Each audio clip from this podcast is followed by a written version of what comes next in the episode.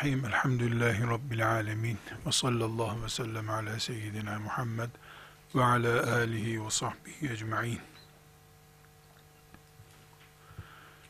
Hadis-i şeriflerle üzerimizdeki uyuşukluğu ve heyecansızlığı silkeleyip atmak, yeniden bir diriliş yapmak için İnşallah yoldayız.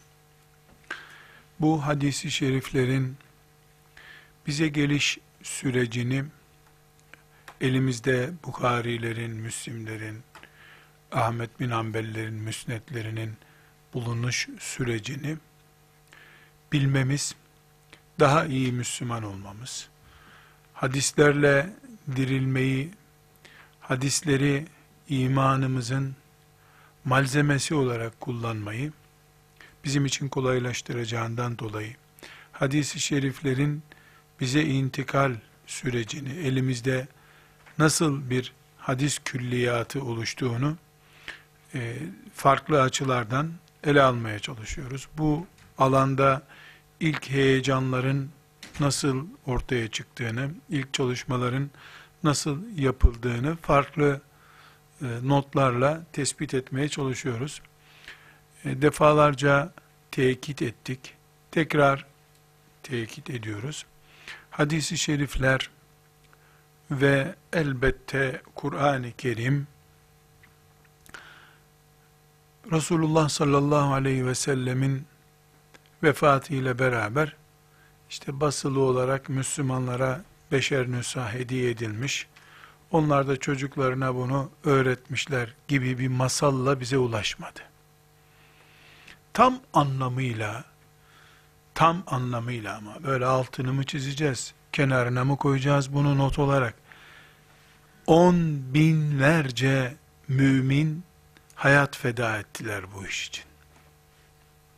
Bin, beş bin değil. Yer yer örnekler göreceğiz inşallah. 5 bin kişilik, 10 bin kişilik ders halkaları yaptılar. Binlerce kilometre yol yürüdüler. Bugün örnek olarak kıyaslama yapmak için zikrediyorum. Kudüs, Müslümanların el emeği, göz nuru olarak İslamlaştı.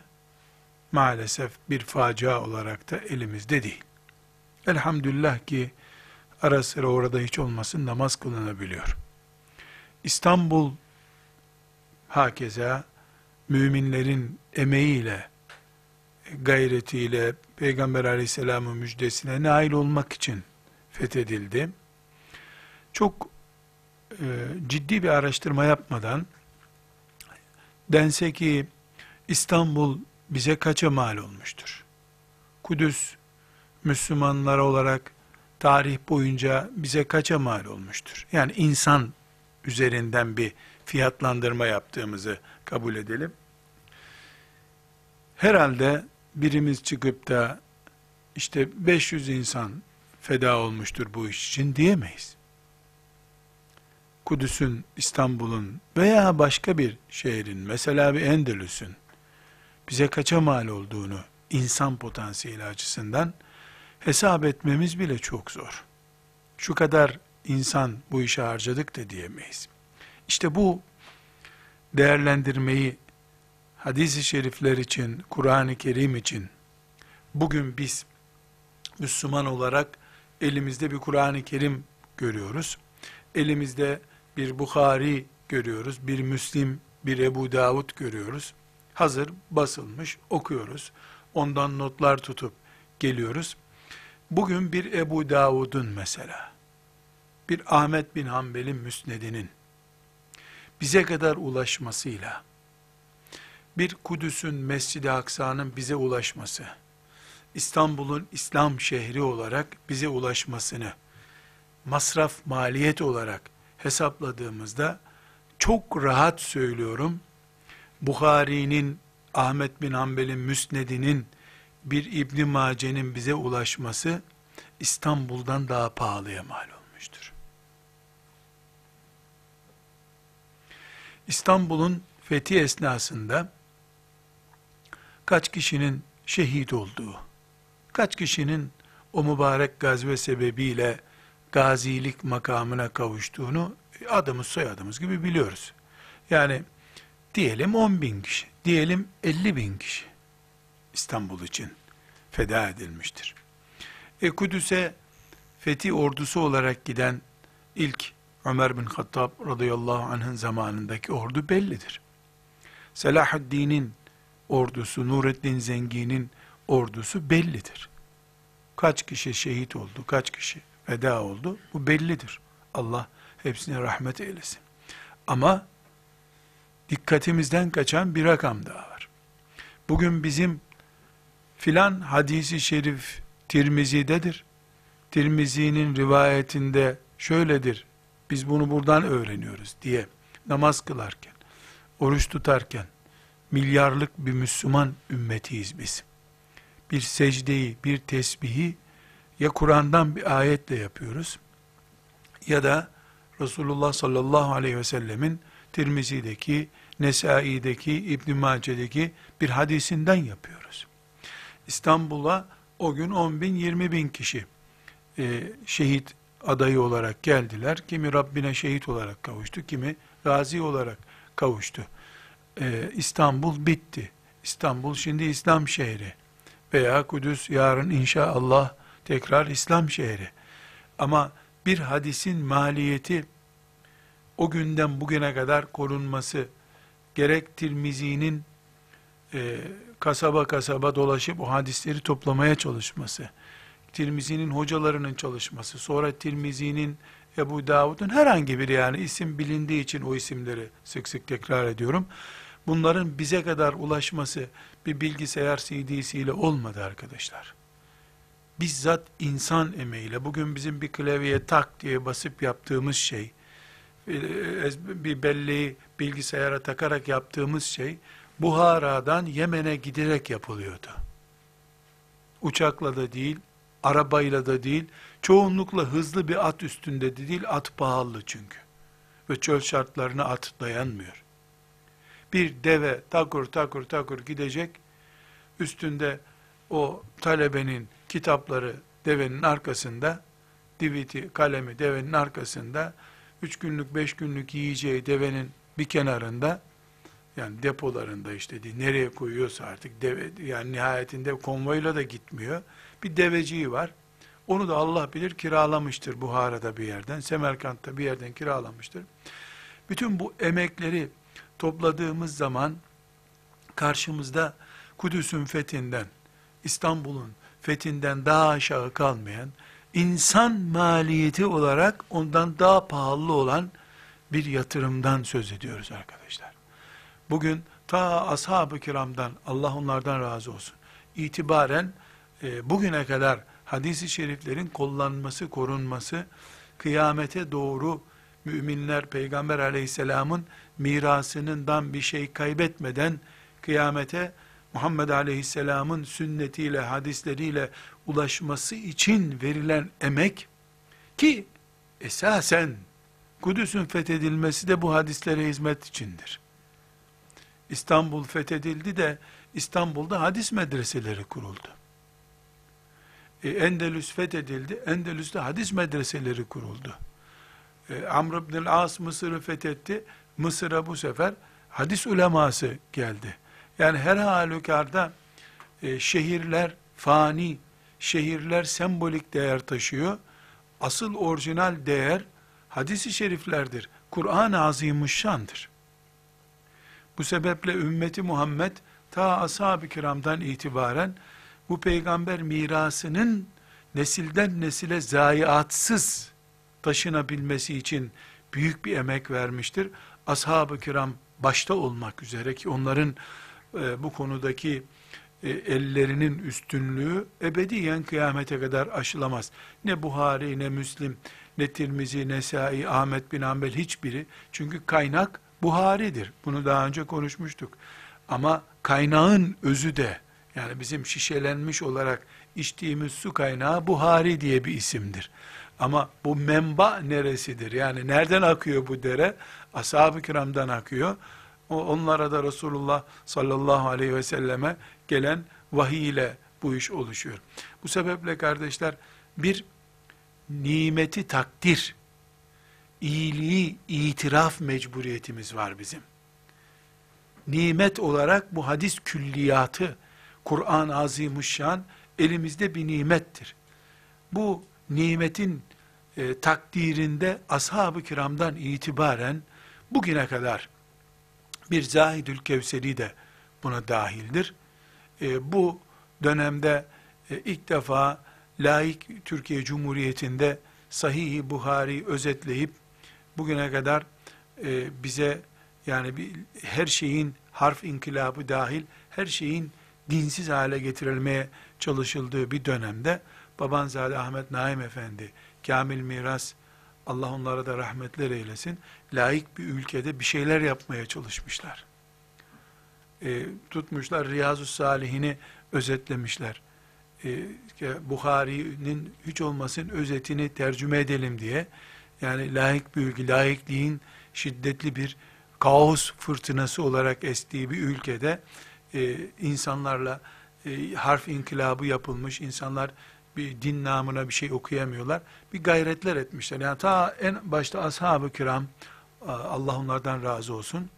En başta onlar, e, burada kamil miraslar, kimlikleri, şahsiyetleri, o dönemde filancayı nasıl sevdiler, sevmediler, bunların hepsini bir kenara koyarak sadece benim önümdeki e, ekmek pişmiş, bu ekmeğin fırıncısından, kamyoncusundan, buğdayını ekenine, sulamasını yapana vesaireye kadar herkese minnetimi ekmek sebebiyle hissettiğim gibi, minnetle, e, şükranla baktığım gibi, hadisi şerifleri bugüne kadar bize taşıyan her kimse onlara rahmet temennileri ediyorum. E, e, İbn Abbas'tan başlıyorum, İbn Mesud'dan başlıyorum, o ilk emeğin, ilk göz ağrılarının isimleri olarak.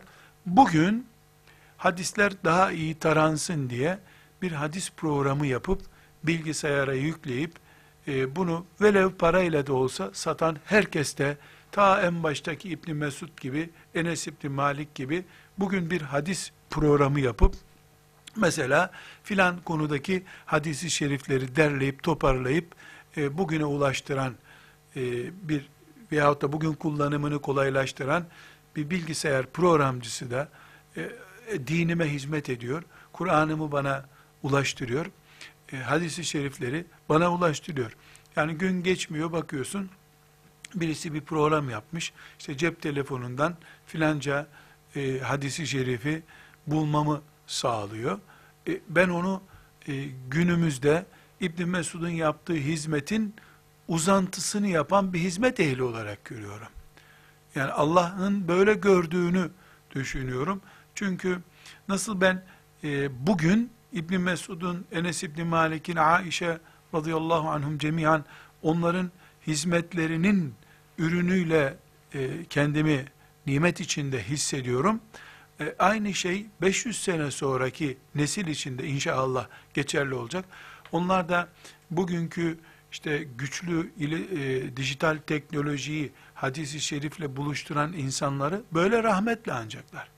Eğer dünyanın 500 sene daha bir ömrü varsa, e, bugünkü dijital teknoloji komik bir şey haline geleceği belli bir. Yani insan, mesela belki de insanlar diyecekler ki, ya bilgisayar diye geri bir şeyle uğraşıyormuş insanlar. Ne kötü günler geçirmiş bu dünya. Biz nasıl şimdi Buhari'nin divitini, hokkasını, devesinin sırtında kitap diye taşıdığı şeyler çimonto kadar ağır şeyler, yani bir çimento torbası gibi şeyler, sandık gibi şeylerde 50-60 sayfada bugün özetlenebilen kitaplarını taşıyorlardı. Bunu bir yani çağ dışılık, e, ne zor şartlar diye yorumluyoruz. Yani eğer teknoloji böyle hızlı devam ederse, insanlık kendi kendini öldürüp bitirmezse teknolojiyle, bugünkü bizim harika dediğimiz cep telefonları, insanoğlunun tenezzül edip bakmadığı, müzelerde gördüğü cihazlar haline gelecek herhalde. Yani bugünkü teknoloji işte 2000'li yıllarda bedevi herifler cep telefonu diye bir şeyle uğraşıyorlarmış.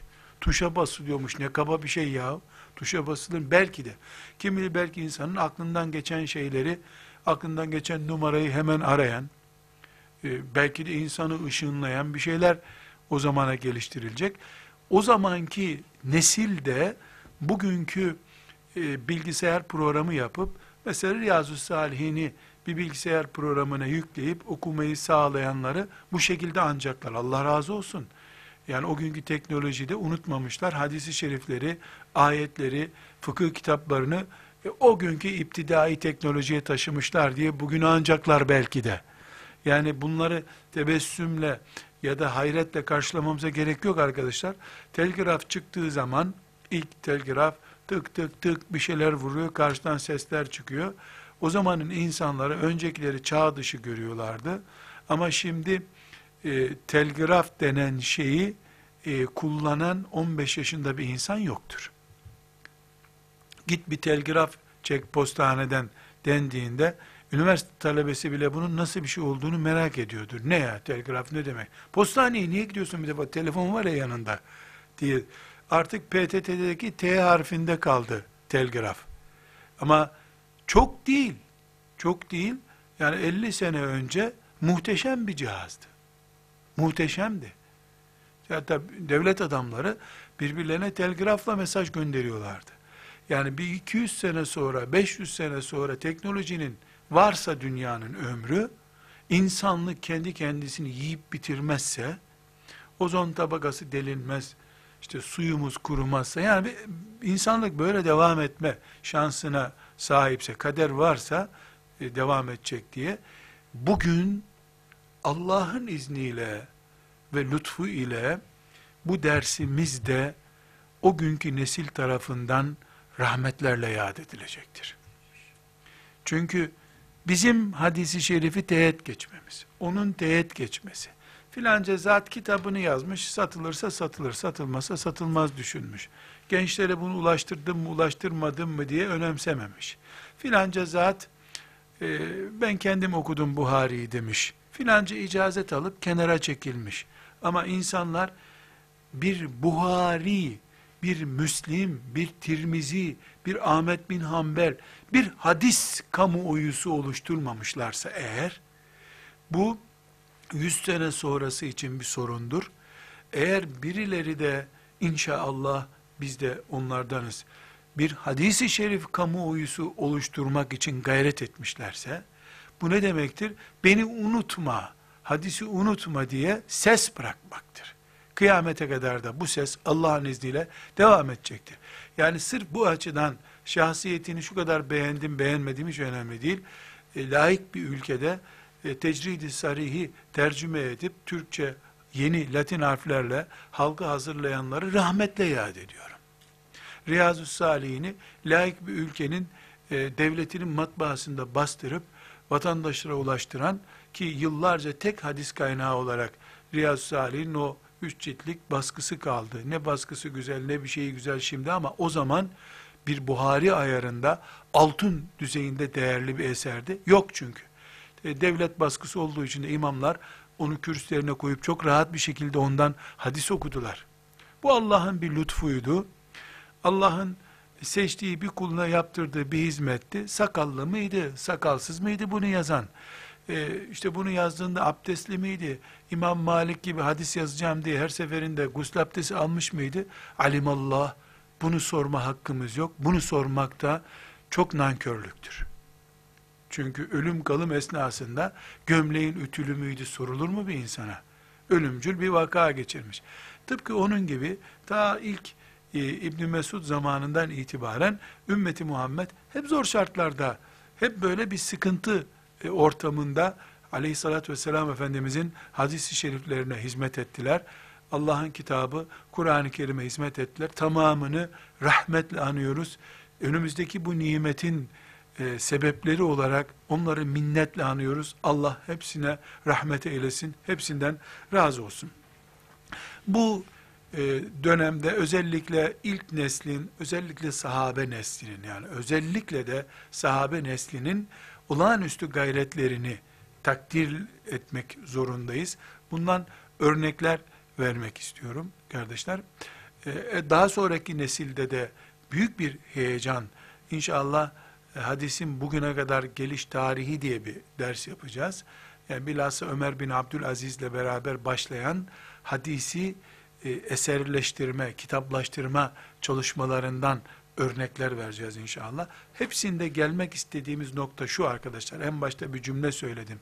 Yani ashab-ı kiram şöyle bir dosya bulup peygamberimizin hatırası. Sen de bunu çocuğuna ver. O da çocuğuna veriyor. O da torununa veriyor. Böyle olmadı bu işler.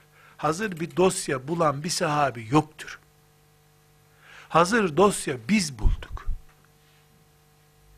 Hatta Bukhari bile hazır dosya bulmadı. Burada inşallah harita üzerinden göstereceğim Buhari'nin seyahatlerini. İmam Müslim'in seyahatlerini göstereceğiz. Yani bu insanlar evinden okula, okuldan da kütüphaneye, kütüphaneden de tekrar evine, sonra da tezini bitirip danışmanına imzalatıp e, matbaaya gönderip yazmış insanlar değiller arkadaşlar. Tekrar baştaki cümlelere dönüyorum. Yani bir Bukhari'nin rahmetullahi aleyh bugüne maliyeti on binlerce kilometre yol demektir. Hiçbir şey yoksa sadece kat ettikleri yol müthiş bir proje arkadaşlar. Bugüne maliyeti çok yüksek. Elbette Allah'tan başkası o hesapları bilecek durumda değil. Ki kamera bizim gibi her gezisini tweetlayıp arkadaşlara filan yerde şu anda ders yapıyoruz. Filan yerde geziye gittik. Filanca yaptık diyecek bir durumları olmadı hiçbir zaman. Allah gördü, melekler gördü, bize kitapları kaldı. Gayretlerini Allah gördü, kaydetti. Bizim gayretimiz onların gayretinin belki binde biri bile olmadığı hal. Ne binde biri canım? Yani rakama bile zikretmeye gerek yok. Hazırcıyız çünkü. Hazır kek yiyoruz. Da bunu nasıl gayret diye isimlendireceğiz? Taşları yontup kendilerine malzeme ürettiler. Biz hazır kek yiyoruz. Aramızda bir benzerlik yok. Ama buna rağmen bizim çalışmalarımız yani burada ders yapılıyor. Bu ders yapılmasından 30 saniye geçmeden dünyanın öbür ucundaki insanlar filan yerde ders yapılıyor diye biliyorlar. Bu dersler yayınlanıyor. Böyle büyük bir nimetler içerisinde yüzüyoruz biz. E, reklamımızı da ciddi bir şekilde yapıyoruz ama. Alimallah kazara e, iki satırlık bir makale yazsak, 15 sayfalık bir kitap yazsak, onu reklam etmeden yerimizde duramıyoruz. Bunlar reklam işini de Allah'a bıraktılar. Denetleme işini de Allah'a bıraktılar muhteşem bir gayretle bugüne getirdiler. Allah onlardan tekrar tekrar razı olsun. Burada arkadaşlar çok cazip bir örnek zikretmek istiyorum. Ashab-ı kiramdan e, İbn Abbas radıyallahu anhumanın e, bir hatırasını naklediyorum. Ondan da Ekrime naklediyor. Ekrime e, İbn Abbas'ın talebelerindendir. Dolayısıyla İkrime İbn Abbas'ın talebelerindendir dedikten sonra çok doğal ne anlaşılıyor? Bir tabiidir bu. Yani ashab-ı kiramın önünde diz çökmüş. Bir, iki, üç, şu kadar sahabi görmüş demek. Ee, büyük ihtimalle 10 tane 20 tane sahabi görmüştür. Bir sahabi bile görse ona tabii denir. Yani sahabenin peşinden gelen demek. İkrime çok orijinal bir isimdir. Biz ikrime konuştuğumuzda çok tabi ikrimeler var ama iki ikrime biliriz. Birisi e, Ebu Cehil'in oğlu İkrime'dir. E, İslam'la şereflendi Mekke'nin fethinden sonra ve büyük bir şehit olarak e, Rabbine kavuştu. Bir bu İkrime var. E, yani çok uzun e, bir İslam'ı yok. 4-5 sene kadar Müslüman olarak yaşadı. Ondan sonra da büyük bir şehadetle Rabbine kavuştu. Ne mutlu. Yani o ikrimemiz var. Bu sadece tarih olarak geçer. Bir ikrime de İbn Abbas'ın radıyallahu anhuma talebesi olan ikrime, İbn Abbas'ın talebesi olduğu için de tabi'in neslindendir. E tabi'inden olmak, ikinci mübarek nesil olmak demek. Artı bir özelliği daha var bu ikrimenin. İkrime, e, İbni Abbas'ın ilmini e, tefsir kitaplarına ve hadis kitaplarına taşıyan ravilerindendir. İbn Abbas'ı gören çok kimse var. İbn Abbas'tan duydum diyen e, çok insan var. Yani çok e, tabi var. Ama İkrime ve Mücahit isimli e, şahıslar, e, talebeleri e, deyim yerinde ise kova kova taşımışlar. Başkası da bir kaşık, bir bardak su taşımış e, İbn Abbas'tan. İkrime çok değerli. Mücahit çok değerli. Bunlar e, İbn Abbas'ın talebelerindenler. E, yani şefaatlerine nail oluruz diye inşallah özellikle bu isimleri bu şekilde kalın puntolarla zikretmeye çalışıyorum. Ee, arkadaşlar İbn Abbas'tan da söz etmem lazım ki bu e, vakayı yani şu anda anlatacağımız şeyi daha iyi anlayalım. İbn Abbas Resulullah sallallahu aleyhi ve sellem Efendimizin amcası Abbas'ın oğludur. E, isminden zaten İbn Abbas'tan anlaşılıyor. Abbas'ın oğlu demek. Adı Abdullah'tır. Abdullah İbn Abbas. İbn Abbas e, Fadıl isimli bir kardeşi daha var. O da hadis-i şeriflerde sık sık geçer. Fadıl ondan büyük. Abbas'tan büyük. İbn Abbas'tan büyük. E, her halükarda İbn Abbas e, Resulullah sallallahu, sallallahu aleyhi ve sellem Efendimiz vefat ettiğinde 10 yaşlarındaydı. Yaşı küçük sahabilerdendi. Hem yaşı itibariyle her yerde Peygamber sallallahu aleyhi ve sellemle bulunamamıştı. Hem de nihayetinde o 10 yaşındayken İslam 23. yılındaydı. Bu onu net bilemiyorum. Belki 10 değil de 9'dur. 10 değil de 11'dir ama 15 yaşında değildi. 7 yaşında da değildi. Çok onlu rakamlardan bir tanesine yeni gelmişti. Radıyallahu anhuma. E, Efendimiz sallallahu aleyhi ve sellemle amcasının oğlu olmak gibi bir bağı vardı. E, Efendimiz sallallahu aleyhi ve sellemin evine gireceği hısımlık, akrabalık bağı da vardı. E, Efendimiz sallallahu aleyhi ve selleme yakın ilk böyle çekirdek kadroda oldu. Ama nihayetinde iki sene, üç sene bu nimetle şereflendi. Çünkü daha önce 5-6 yaşında bir çocuk olarak ciddi şeylerin konuşulduğu meclislere alınmadı büyük ihtimalle. Efendimiz sallallahu aleyhi ve sellem vefat ettiğinde çok genç yaştaydı, çocuktu. Bu çok önemli. İki, Efendimiz sallallahu aleyhi ve sellem sahih hadislerle sabit ona dua etmiş. Allahümme fakkihhu fid din buyurmuş. Allah'ım onu dinde fakih kıl diye dua etmiş. Şimdi e, İbn Abbas için çok önemli ayrıntı bu.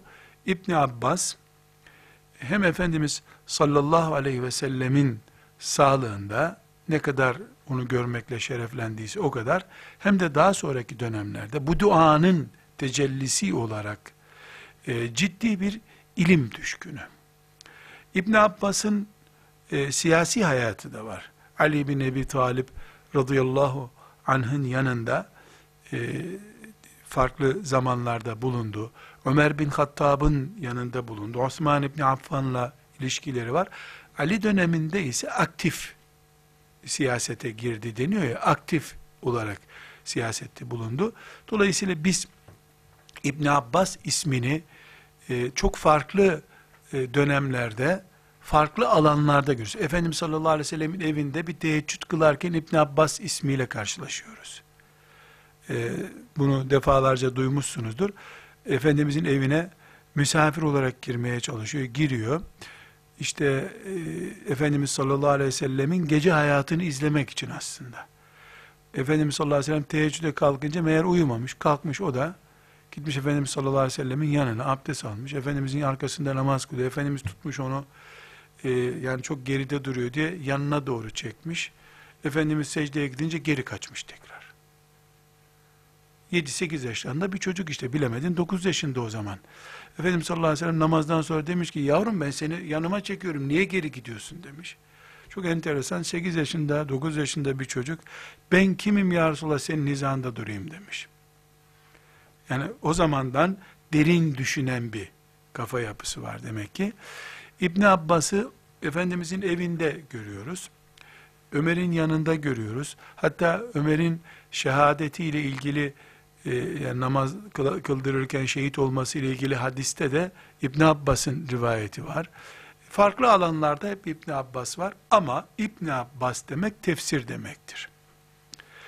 E, bilhassa Taberi'nin e, nakl, naklettiği rivayetlerdeki ilk külliyatlı e, tefsir nakli yapılan eser e, Taberi'nin tefsiridir. Hala en muteber e, nakil tefsiridir. Tefsirler bir rivayet, bir dirayet tefsiri olurlar. Yani bilgi aktarımı olan bir de yorum yapılan tefsirler olur. Bilgi aktarımı konusunda Taberi'nin tefsiri en yoğun külliyatlı tefsirdir. İbn Abbas demek Resulullah sallallahu aleyhi ve sellem'den hadis nakletmek demek. Artı İbn Abbas demek bu ayetin anlamı şudur demek. Yani tefsir ilminde deyim yerindeyse imamdır. İbn Abbas. Tek değil şüphesiz. Çünkü her ayet hakkında İbn Abbas'ın ne dediği sahih yollarla her zaman bize ulaşmıyor. Ama büyük oranda İbn Abbas külliyatı var tefsirde. Bu sefer yani Kur'an-ı Kerim'le bu bağından dolayı İbn Abbas'ı tercümanül Kur'an olarak anarlar. Tercüman bildiğiniz tercüman demek. Tercümanül Kur'an, Kur'an tercümanı yani Kur'an'ı tercüme eden. Şimdi hemen tabi e, izahat yapmak gerekecek. Yani Kur'an Arapça değil mi? İbn Abbas hangi dile tercüme etmiş bunu?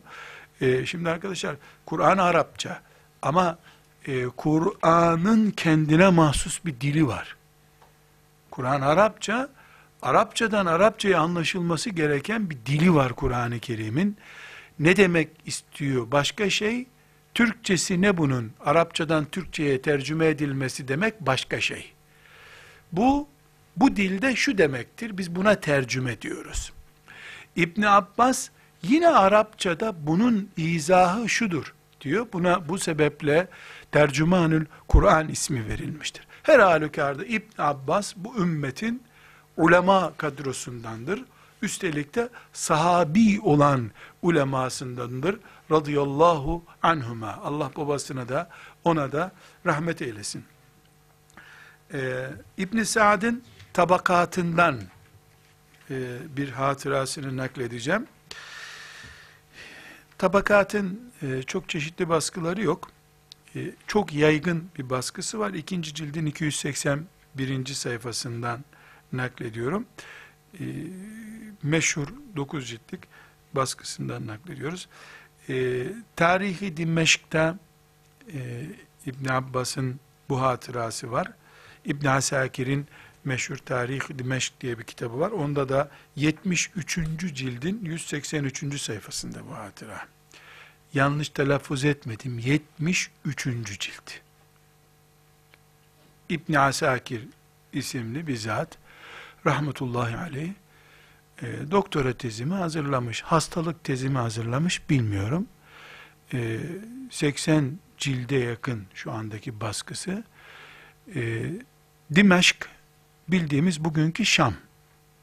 Tarihi Dimeşk. Ben böyle argoca anlatıyorum. İlim adamı değilim arkadaşlar. E, ilim adamlarının anlattığı ince çizgileri benden beklemeyin.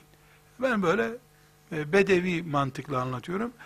Yani bu rakamlar cilt sayfa numarasında hata etmemeye çalışıyorum ama yani işte şu tarihte mi doğdu, şu kadar mı ilim okumuştu bunlar benim anladığım düzeyde anlatıyorum.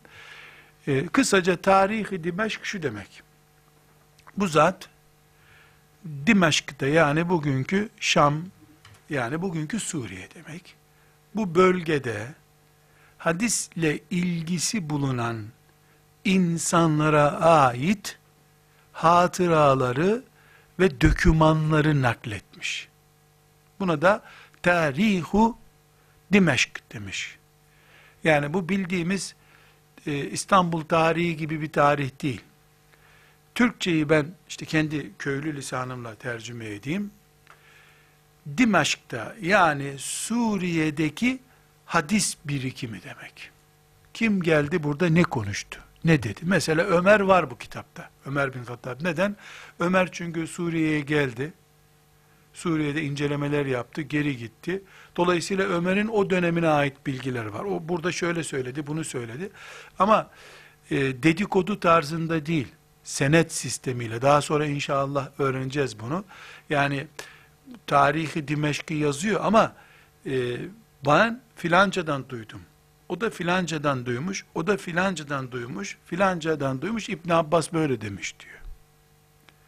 Böyle bir dedikodu tarzıyla değil, belgelendirilmiş olarak. Buna senet sistemi diyoruz. İnşallah nasıl oluştuğunu bu sistemin çok e, yüzlerce örneğiyle göreceğiz inşallah. Tarihi Dimeşk bir enteresan. Bir enteresan bir şey. Bir külliyat. Yani insanın bir kütüphanesi olur. Kütüphanede 30-40 tane kitabı olur. 3 cilt, 5 cilt. Bunun kendisi bir kütüphane. Çok daha garip bir şey söyleyeyim. Ben e, talebelik yıllarımda tarihi Dimeşk'i duyardım. E, çok külliyatlı, kalabalık bir kitap olduğunu da duyardım. Şöyle anlamıştım. Bir adam hani bizde oluyor ya filancanın külliyatı. 15-20 eseri var hepsini topluyorlar. Ben öyle bir şey zannediyordum. Meğer bu e, şahsın 30-40 kitabından bir tanesiymiş bu. 80 ciltlik kitap. 30-40 kitabı var. E, bunu elhamdülillah nasip oldu kütüphaneme koydum. E, mukaddimesine bir bakacağım dedim. Böyle işi gücü kitap yazmak herhalde. İşi gücü kitap yazmak değil. Sabaha kadar namaz kıldıktan sonra bu işlerle uğraşıyormuş ilimle uğraşıyormuş. Gece namazına düşkün birisi. Ee, mesela oğlunun nakilleri var İbn Asakir ile ilgili. Ee, iyi bir aile reisiymiş aynı zamanda. Çoluk çocuğu var. Çoluk çocuğunu geçindiriyor, yediriyor, içiriyor. Gecesini Rabbine ayırmış. Gündüzünü de ilme ayırmış. 250 senede de bu kitapları yazmış. Diyeceğimiz kadar da hayatı yok. Yani böyle 150 sene yaşamış insanlar değiller. Bu e, zatların hayatlarına hiç girmeye gerek yok kardeşler. İnsan kendinden soğuyor. İnsanlığından ya biz mi insan değiliz, onlar mı insan değil diyor. Ben sadece tek bir formül söyleyeyim. E, bu zatın siz de takdir edersiniz ki akşam namazından sonra yazı yazması, kitap okuması mümkün değildi. Karanlık çünkü. Sabah namazını iple çekiyordu kitap okumak için. Bu zatın veya işte Buharilerin herhangi birinin e, bereketten başka hiçbir malzemeleri yoktu. Bereket. Bereket de marketten alınmıyor. Allah'tan alınıyor.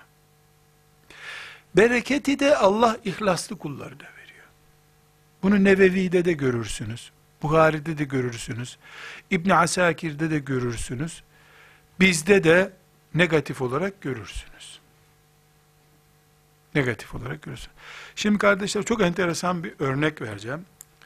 Şu önümdeki mesela şu sayfayı yazmak için benimle İbn Asakir arasında bir oranlama yapmak istiyorum. Ben kalemimi bastığımda aklımdaki bilgi tükenene kadar yazarım. Dolayısıyla mesela böyle bir şey benim için bir buçuk iki dakika bilemedin üç dakikadır bu sayfayı yazmak diyelim. Herhangi bildiğim bir konuda. Ama İbn Asakir veya Buhari bin kat bilgi de bilse benim gibi yazamaz bunu. Neden? Çünkü tweetine koyacak, damlamasın diye ucunu silecek, gelecek, iki kelime yazacak, gidecek koyacak, iki kelime daha yazacak, gidecek koyacak. Diviti de hazırlamıştır. İbnül Cevzi'nin hatıratında sık sık konuşmuştuk. Divitini, hokkasını da misafir gelince hazırlıyor vakit kaybetmemek için. Misafirle konuşurken de kalemini açıyor o arada. Boyasını yapıyor. Boyayı da sen yapacaksın. Yok ki kimden boya alacaksın? Musluktan boya akmıyor. Dolayısıyla e, ortalama mesela 500 karakter bir A4 sayfada 500 karakter sığıyor yaklaşık olarak. Bunu 250 kelime kabul edelim. 250 kelime benim için hiç elimi kaldırmadan sadece elimi aşağıya kaydırmam anlamına geliyor. Onda da 100 defa yaklaşık olarak çok böyle herhalde büyük tweet ise 50 defa o zaman.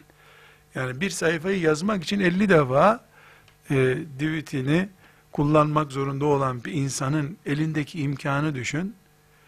Kalemi bittiğinde bile farkında olmayıp yenisini alıp koyan, uç değiştirmek bile kalktı dünyadan. Eskiden bizim çocukluğumuzda mürekkep doldurmak vardı kalemlere. O mürekkep doldurmak bile kalktı. Uç değiştirmek yok. Eşantiyon kalemler çöpe gidiyor zaten.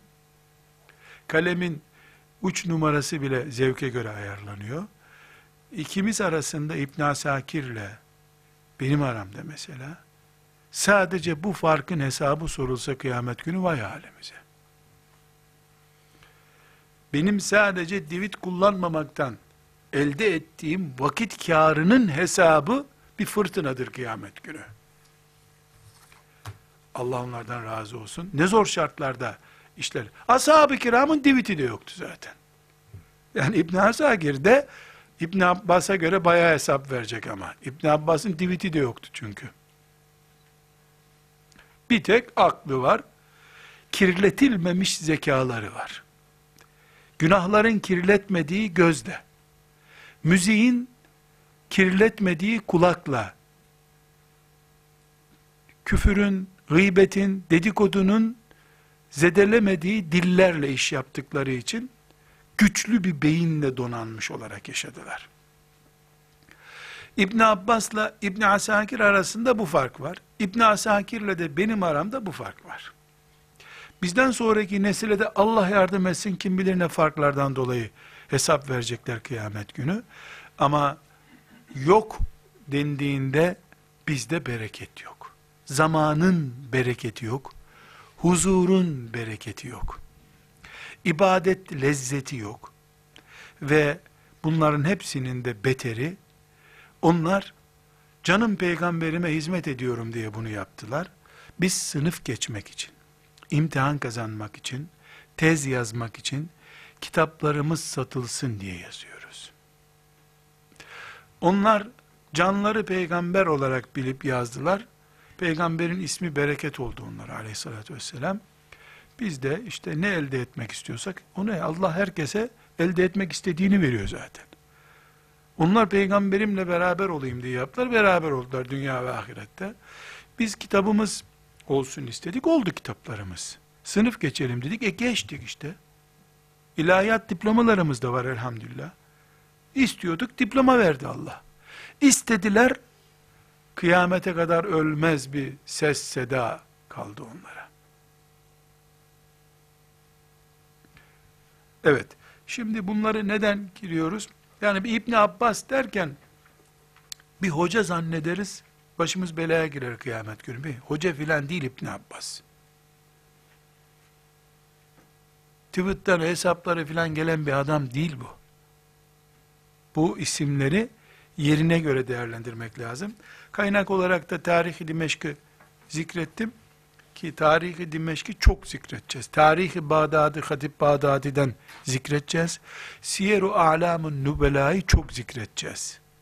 İbn Sa'd'in Tabakat isimli kitabını zikredeceğiz.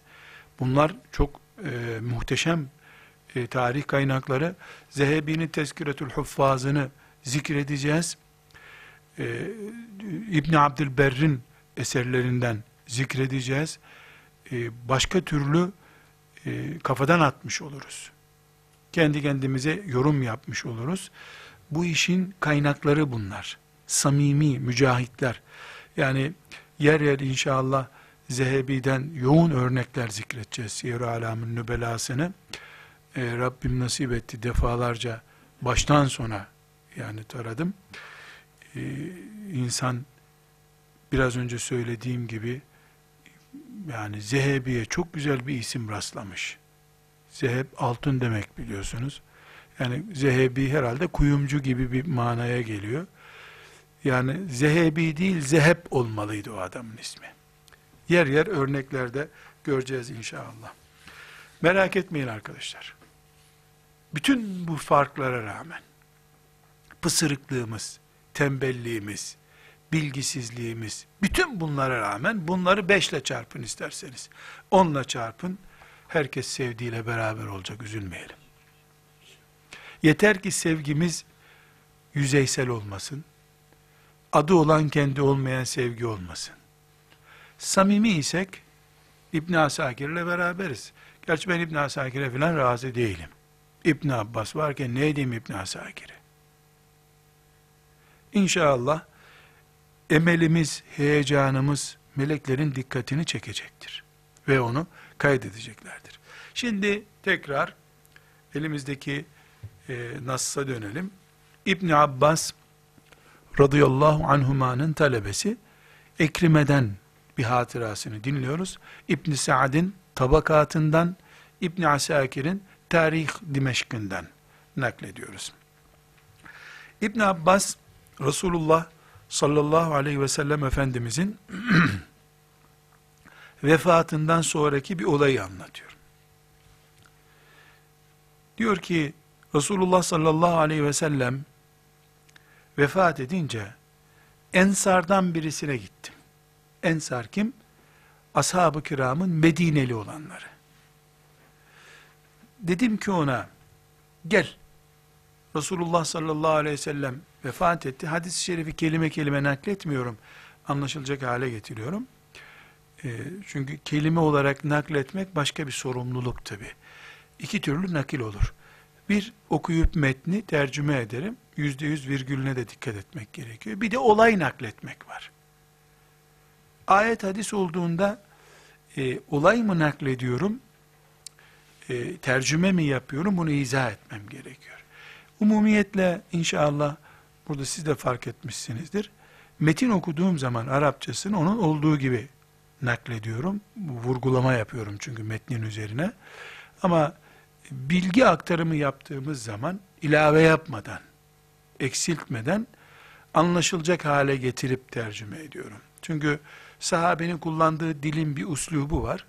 O uslup bugün anlaşılmıyor olabiliyor belli noktalarda.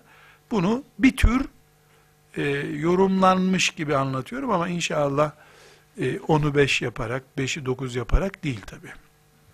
Diyor ki Resulullah sallallahu aleyhi ve sellem vefat ettiğinde Ensardan birisine gittim. Dedim ki gel.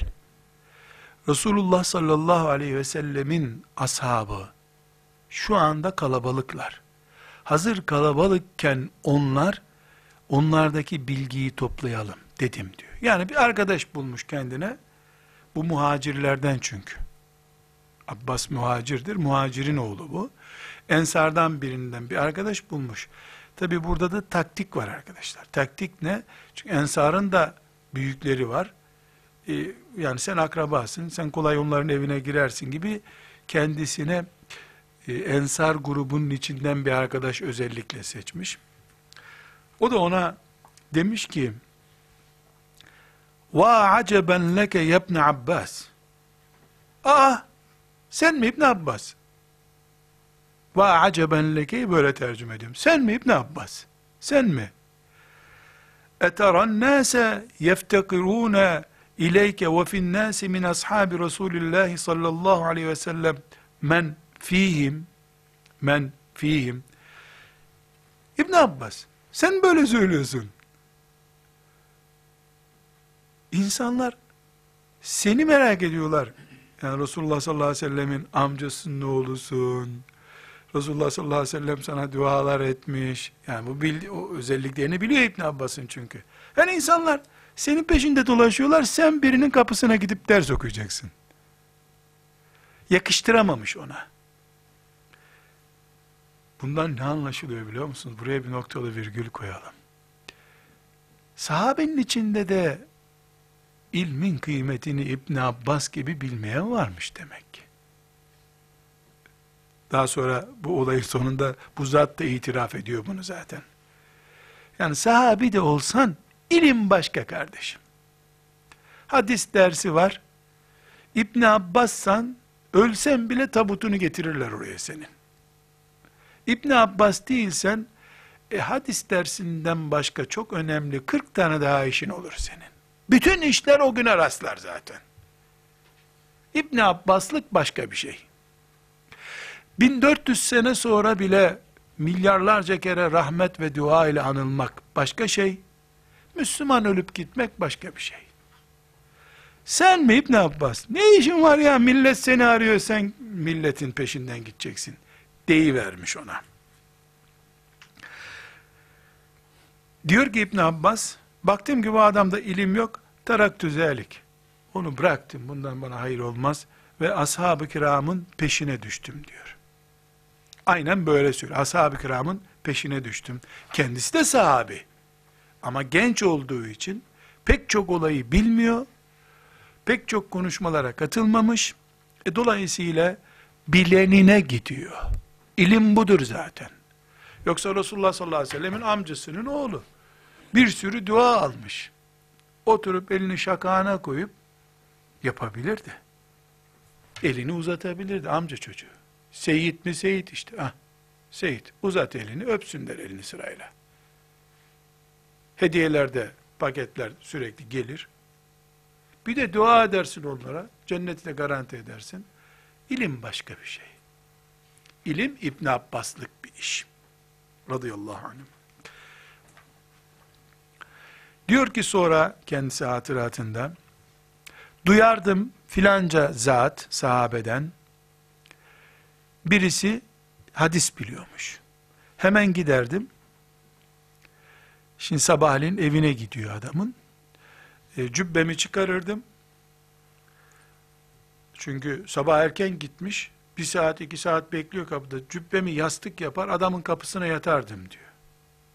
Rüzgar eser toz toprak ifade aynen böyle toz toprak yüzüm gözüm toprak olurdu diyor. Öğleye doğru da adam evinden bir çıkar. Adam kapıyı açar ki ah İbn Abbas bir peygamber amcasının oğlu ashabın göz bebeği. Üstelik de Ebu Bekir'in de halife, Ömer'in de halife olarak göz bebeği ve baş danışmanlarından Ömer'in. Protokolde yeri olan bir sahabe üstelik bu. Sadece bir amca çocukluğu yok ortada. Protokolde de yeri var. İlimdeki me, e, kapasitesini de herkes biliyor. O zat çıkardı kapıya diyor.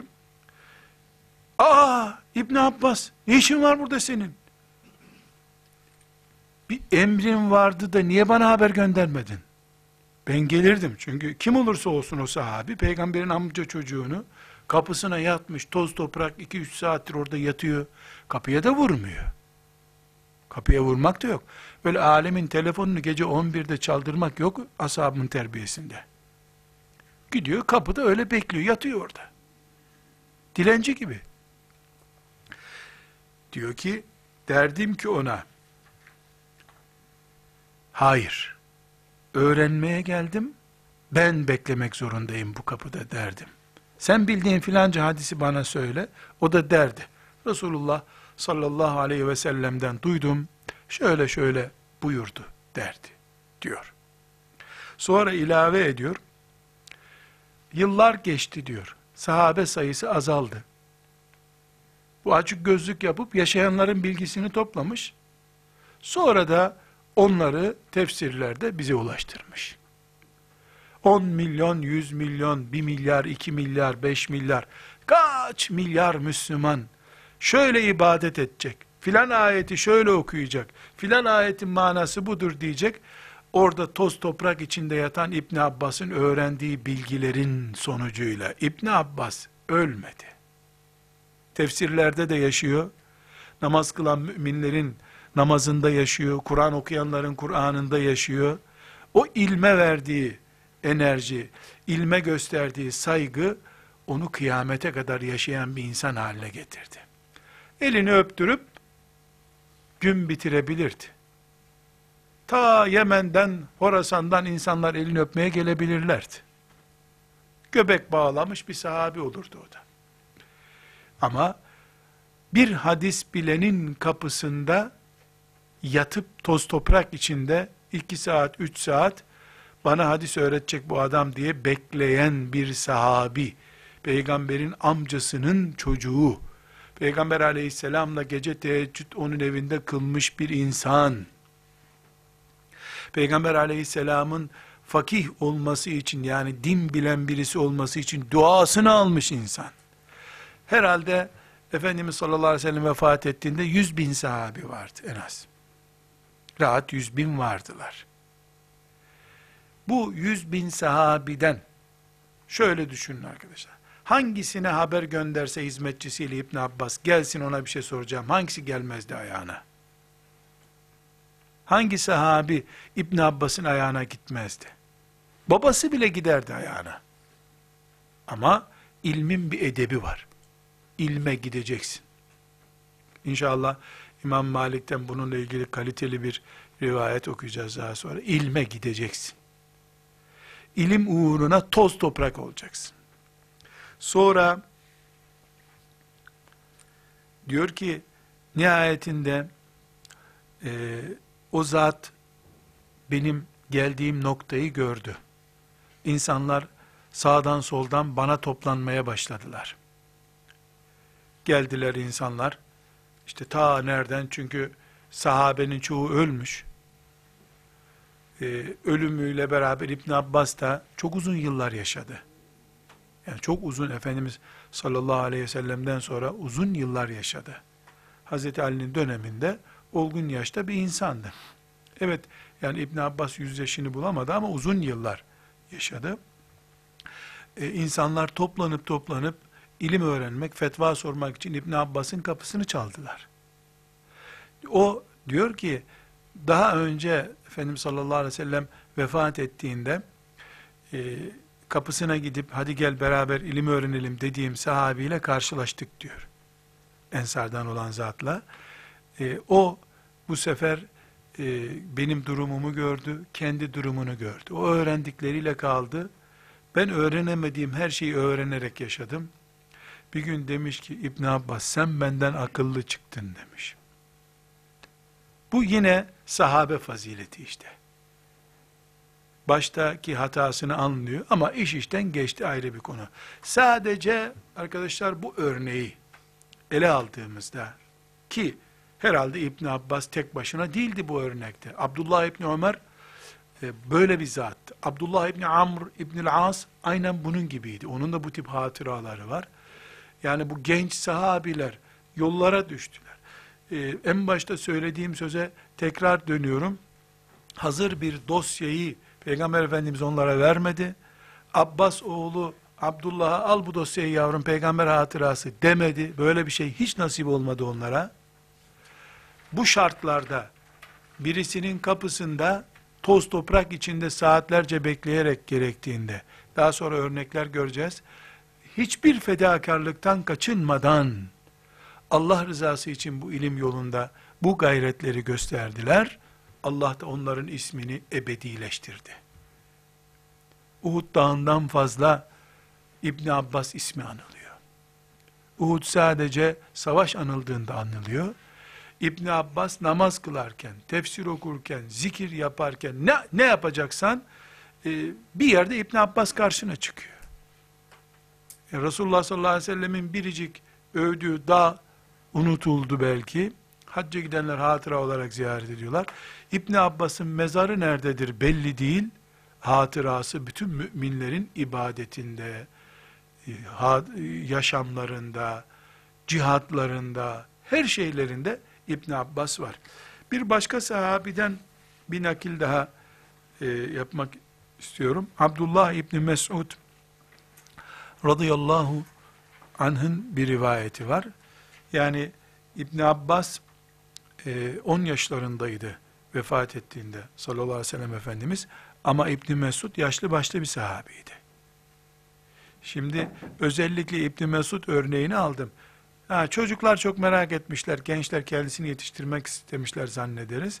Ama İbn Mesud Bukhari'de 5002. hadisi şerif, Müslim'de de 2400 63. hadisi şerif e, hadisi şerifi teberrüken okumak istiyorum arkadaşlar. İbn Mesud diyor. Vallahi lezî la ilahe gayruh. Ma unzile suretun min kitabillahi illa ana a'lemu eyne unzilet. Ve la unzilet ayetun min kitabillahi illa ana a'lemu fîme unzilet.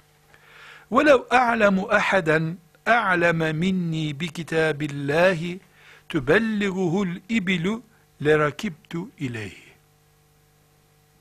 Sahabenin ilim heyecanı, ilmin bugün bize gelmesindeki fonksiyon ve bugün o İbni Mesud'un görüşüymüş diyen nasipsiz bir insanın kiminle cedelleşeceği kıyamet günü.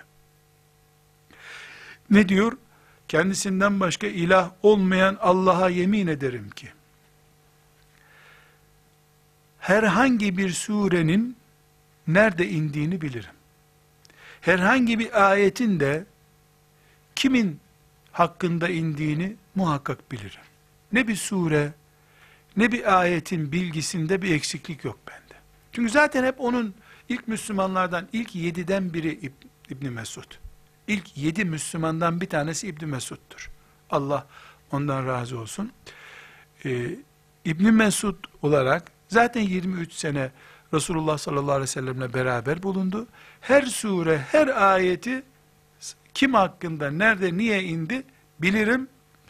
Ama duysam ki ancak bir deve yolculuğuyla ki yani deve yolculuğu demek e, çöl aşılacak demek. Çünkü atla hemen yakın yerlere gidiliyor. Yani bir 30-40 kilometre mesafe çölden gideceksin. Ancak deve yolculuğuyla gidilebilecek uzaktaki birisi benim bilmediğim bir şeyi biliyor diye bilsem yukarıdaki yeminiyle bağlıyor. Gider o bilmediğimi öğrenirim diyor. İbn Abbas 10 yaşındaydı. Aman büyüklerin bildiğini bileyim diye meraklıydı. İbn Mesud da 50 yaşındaydı. O da aynı duyguyu taşıyor. Çünkü onlar sınıf geçmek için, not almak için, diploma için değil, Allah için öğreniyorlardı. Karşılığını Allah'tan bekliyorlardı. Diploma değil, Allah'ın sevabına taliptiler. Cennete talipler. İlim onlar için cihattı Bu adamlar, adamlar, vurgulayarak kelimeyi kullanıyorum.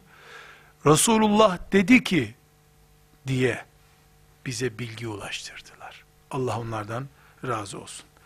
Ve sallallahu ve sellem ala seyyidina Muhammed ve ala alihi ve sahbihi ecma'in velhamdülillahi rabbil alemin. قل إن كنتم تحبون